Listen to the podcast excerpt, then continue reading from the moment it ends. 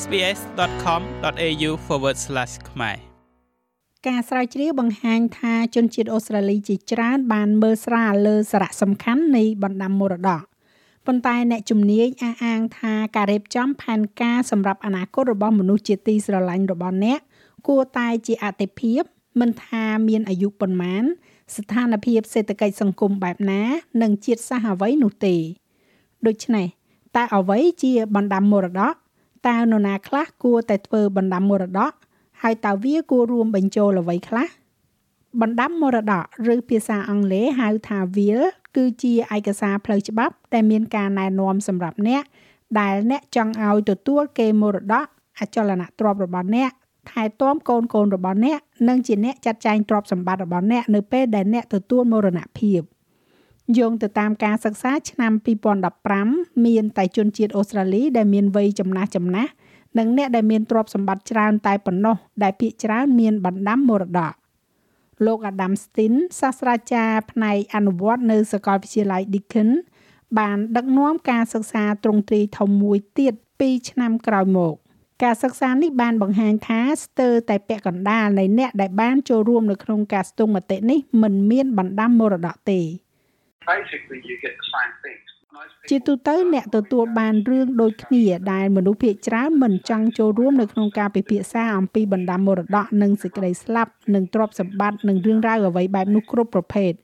មានប្រជាជនមួយភាគធំប្រហែលជា50%ឬក៏ក្រោម50%បន្តិចតែប៉ុណ្ណោះលោកសាស្ត្រាចារ្យ Stin មានប្រសាសន៍ថាការយល់ខុសនិងអបិយជំនឿផ្សេងផ្សេង គឺជាហេតុផលដែលធ្វើឲ្យមនុស្សបដិសេធមិនធ្វើបណ្ដាំមរតក What we find is that there's a large proportion អ្វីដែលយើងបានរកឃើញគឺថាមានប្រជាជនមួយចំនួនធំដែលមិនគិតថាពួកគេត្រូវការបណ្ដាំមរតកនោះទេហើយក៏មានសមាមាត្រមួយភាគធំទៀតដែលគិតថាប្រសិនបើពួកគេធ្វើបណ្ដាំមរតកពួកគេនឹងស្លាប់មនុស្សមួយចំនួនគិតថាយើងមិនមានលុយគ្រប់គ្រាន់ទេ យើងមិនទាន់គ្រប់អាយុទេ កត្តាទាំងនោះពិតជាអនុវត្តជាទូទៅមិនត្រឹមតែក្នុងសហគមន៍ជនជាតិភាគតិចប៉ុណ្ណោះទេ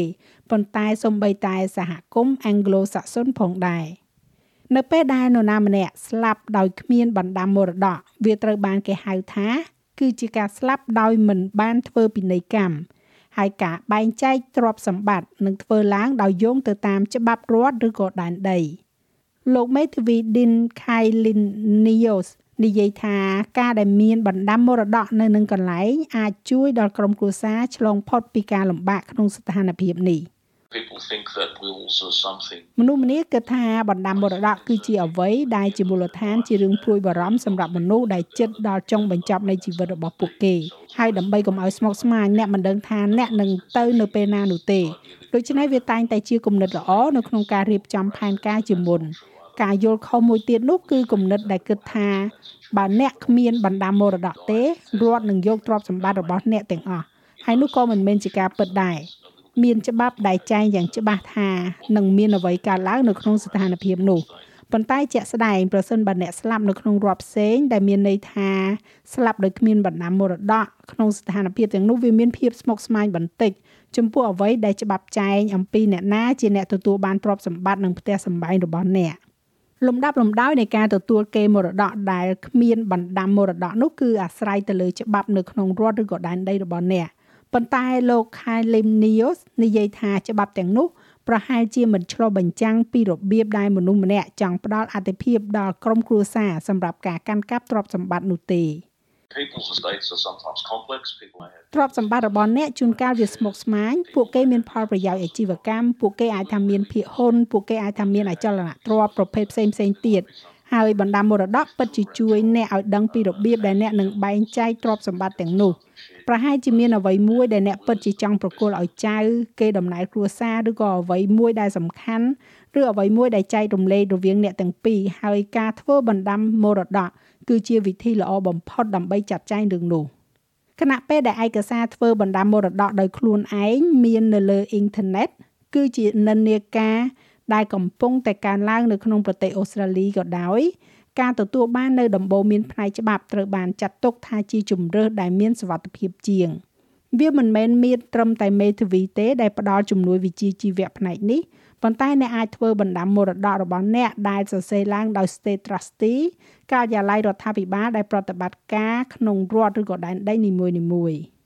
អ្នកទទួលបន្ទុកសាធារណៈឬក៏ Public Trustee គិតថ្លៃសេវានៅក្នុងការធ្វើបណ្ដាំមរតកប៉ុន្តែថ្លៃសេវាត្រូវបានគ្រប់គ្រងចាត់ចែងឬក៏តែងតាំងហើយក៏មានការលើកលែងមិនយកថ្លៃសេវាផងដែរចំពោះអ្នកចូលនិវត្តន៍ pensioner និងអ្នកដែលមានអាយុលើសពី60ឆ្នាំឡើងទៅ លោក Michael Spiegel គឺជានាយកប្រតិបត្តិទូទៅនៃផ្នែកសេវាកម្ម Trustee Service នៅ Victorian State Trustee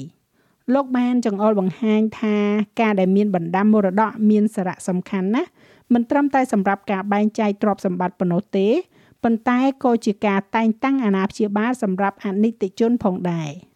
If they don't have a will then ប្រសិនបើពួកគេមិនមានបណ្ដាំមរតកទេនោះអាណាព្យាបាលគ្រប់គ្រងបុគ្គលនោះត្រូវសម្រេចដោយច្បាប់របស់រដ្ឋហើយពួកគេទម្លាក់ចុះទៅតាមសាច់ញាតិផ្សេងផ្សេងដែលមាននឹងសមស្របទៅតាមគ្រប់វិធី រហូតដល់ប្រហែលជាត្រូវដាក់កុមារនោះឲ្យស្ថិតនៅក្រោមការមើលថែរបស់ឪពុកម្ដាយចិញ្ចឹមដែលយើងហៅថា foster care ឬក៏អាណាព្យាបាលជំនួយ ដូច្នេះហើយទៅបានជាយើងតែងតែធ្វើការតស៊ូមតិវាពិតជាសំខាន់ណាស់ដែលអ្នកមានអាណាព្យាបាល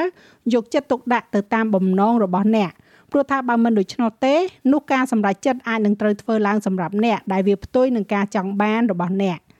លោក Spiegel ចង់ឲ្យបង្ហាញថារឿងនេះគឺជារឿងសំខាន់សម្រាប់ជនចំណាក់ស្រុកនៅក្នុងប្រទេសអូស្ត្រាលីដែលមានកូនកូនអាយុក្រោម18ឆ្នាំ ហើយអាចនឹងមិនមានបណ្ដាញសាច់ញាតិក្រុមគ្រួសារផ្សេងទៀតរស់នៅក្នុងប្រទេសនេះ so myself for example ដូច្នេះខ្លួនខ្ញុំផ្ទាល់ជាឧទាហរណ៍កូនរបស់ខ្ញុំកើតនៅប្រទេសពីរផ្សេងគ្នាហើយនៅពេលដែលខ្ញុំនិងភរិយាបង្កើតបណ្ដាំមរតកយើងបានតែងតាំងអាណាព្យាបាលនៅទីនេះក្នុងប្រទេសអូស្ត្រាលីនេះដោយសារកូនកូនរបស់យើងធំធាត់នៅប្រទេសអូស្ត្រាលី យើងបានគិតថាប្រសិនបើយើងស្លាប់ទៅតើវានឹងជារឿងដែលឈឺចាប់ខ្លាំងប៉ុណ្ណាសម្រាប់ពួកគេក្នុងការដែលពួកឲ្យពួកគេវិលត្រឡប់ទៅប្រទេសដែលពួកគេមិនធ្លាប់ស្គាល់វានឹងកាន់តែឈឺចាប់ទៀតសម្រាប់ពួកគេដូច្នេះហើយ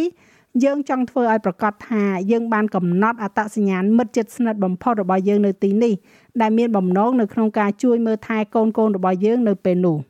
ក្នុងអំឡុងពេលជាច្រើនឆ្នាំនៃការរៀបចំបណ្ដាមរតកសម្រាប់អតិថិជនរបស់គាត់ លោក Dean Kylinos បានជួបប្រទះនឹងករណីដែលអតិថិជនរបស់លោក មានសាវតាជាជនជាតិភាគតិចដែលត្រូវបានជ្រៀតជ្រែកជាមួយនឹងគំនិតនៃការផ្ដាល់គេមរតកនិងការបែងចែកគេមរតកលោកនិយាយថាបណ្ដាមរតកដើរតួជាអ្នកការពារប្រឆាំងទៅនឹងភាពមិនប្រកបប្រជា in general situations it just នៅក្នុងស្ថានភាពទូទៅវាគ្រាន់តែធ្វើឲ្យជីវិតកាន់តែងាយស្រួលនិងកាន់តែច្បាស់លាស់ ពីព្រោះមនុស្សម្នាដឹងពីអ្វីដែលអ្នកស្លាប់ចង់បាននៅក្នុងសហគមន៍ជនចំណាក់ស្រុកមួយចំនួនគ្រាន់តែគំនិតនៃទ្រព្យសម្បត្តិខ្លួនឯងនឹងវាខុសគ្នាពីគំនិតរបស់ពួក Anglo-Celtic ទៅហើយផ្ទះសម្បែងរបស់គ្រួសារត្រូវបានចាត់ទុកថាជារបស់ដែលត្រូវចែករំលែកដល់មនុស្សគ្រប់គ្នាជាក់ស្ដែងទស្សនៈផ្លូវច្បាប់របស់អូស្ត្រាលីគំនិតនៃទ្រព្យសម្បត្តិដែលវាវិវត្តទៅជារបស់អ្នកអ្នកនឹងមានសិទ្ធិធ្វើអ្វីមកលើវាទៅតាមដែលអ្នកចង់បាន ហើយបន្ទាប់មកមានសម្ពាធក្រុមគ្រួសារដែលតាក់ទងទៅនឹងការបែងចែកលោក Michael Spiegel និយាយថាភាពតានតឹងក្នុងគ្រួសារនៅពេលអវត្តមានបណ្ដាំមរតកគឺមិនមែនកើតមានតែជាមួយនឹងវប្បធម៌ជាក់លាក់ណាមួយនោះទេដោយលោកបានរៀបរាប់អំពីបទពិសោធន៍របស់លោកដែលបានជួបប្រទះនៅឯ Victorian State Trustee យ៉ាងដូចនេះថា ប្រសិនបើបំណងប្រាថ្នារបស់អ្នកស្លាប់មិនត្រូវបានគេដឹងឮហើយមិនត្រូវបានពន្យល់ឲ្យបានច្បាស់លាស់ទេនោះវាបន្សល់ទុកនៅភាពមិនច្បាស់លាស់ជាច្រើននោះហើយជាកន្លែងដែលយើងមើលឃើញនៅចំនួនទាស់ទែងគ្នាជាច្រើនកើតឡើងត្រូវប្រកាសថាអ្នកមានអ្វីគ្រប់យ៉ាងនៅនឹងកន្លែងតាមដែលអ្នកចង់បាន ហើយស្ថានភាពដ៏ល្អបំផុតគឺមិនត្រឹមតែមានបណ្ដាំមរតកតែម្យ៉ាងប៉ុណ្ណោះនោះទេប៉ុន្តែត្រូវមានការសន្ទនាគ្នា ដើម្បីឲ្យក្រុមគ្រួសារដឹងថានឹងមានអ្វីកើតឡើងវាមិនមែនជាអ្វីដែលគួរឲ្យភ្ញាក់ផ្អើលឡើយប្រសិនបើអ្នកប្រើប្រាស់ឯកសារធ្វើបណ្ដាំមរតកតាមអនឡាញអ្នកនៅតែអាចឲ្យមេធាវីឬក៏អ្នកទទួលបន្ទុកសាធារណៈពិនិត្យវាឡើងវិញបានផងដែរ។ចាស់ហើយរបាយការណ៍នេះចងក្រងឡើងដោយ Zoe Thomaidu និងប្រាយសម្រួលសម្រាប់ការផ្សាយរបស់ SBS ខ្មែរដោយនាងខ្ញុំហៃសុផារ៉ានីចូលចិត្តអ្វីដែលអ្នកស្ដាប់នេះទេ Subscribe SBS ខ្មែរនៅលើ Podcast Player ដែលលោកអ្នកចូលចិត្ត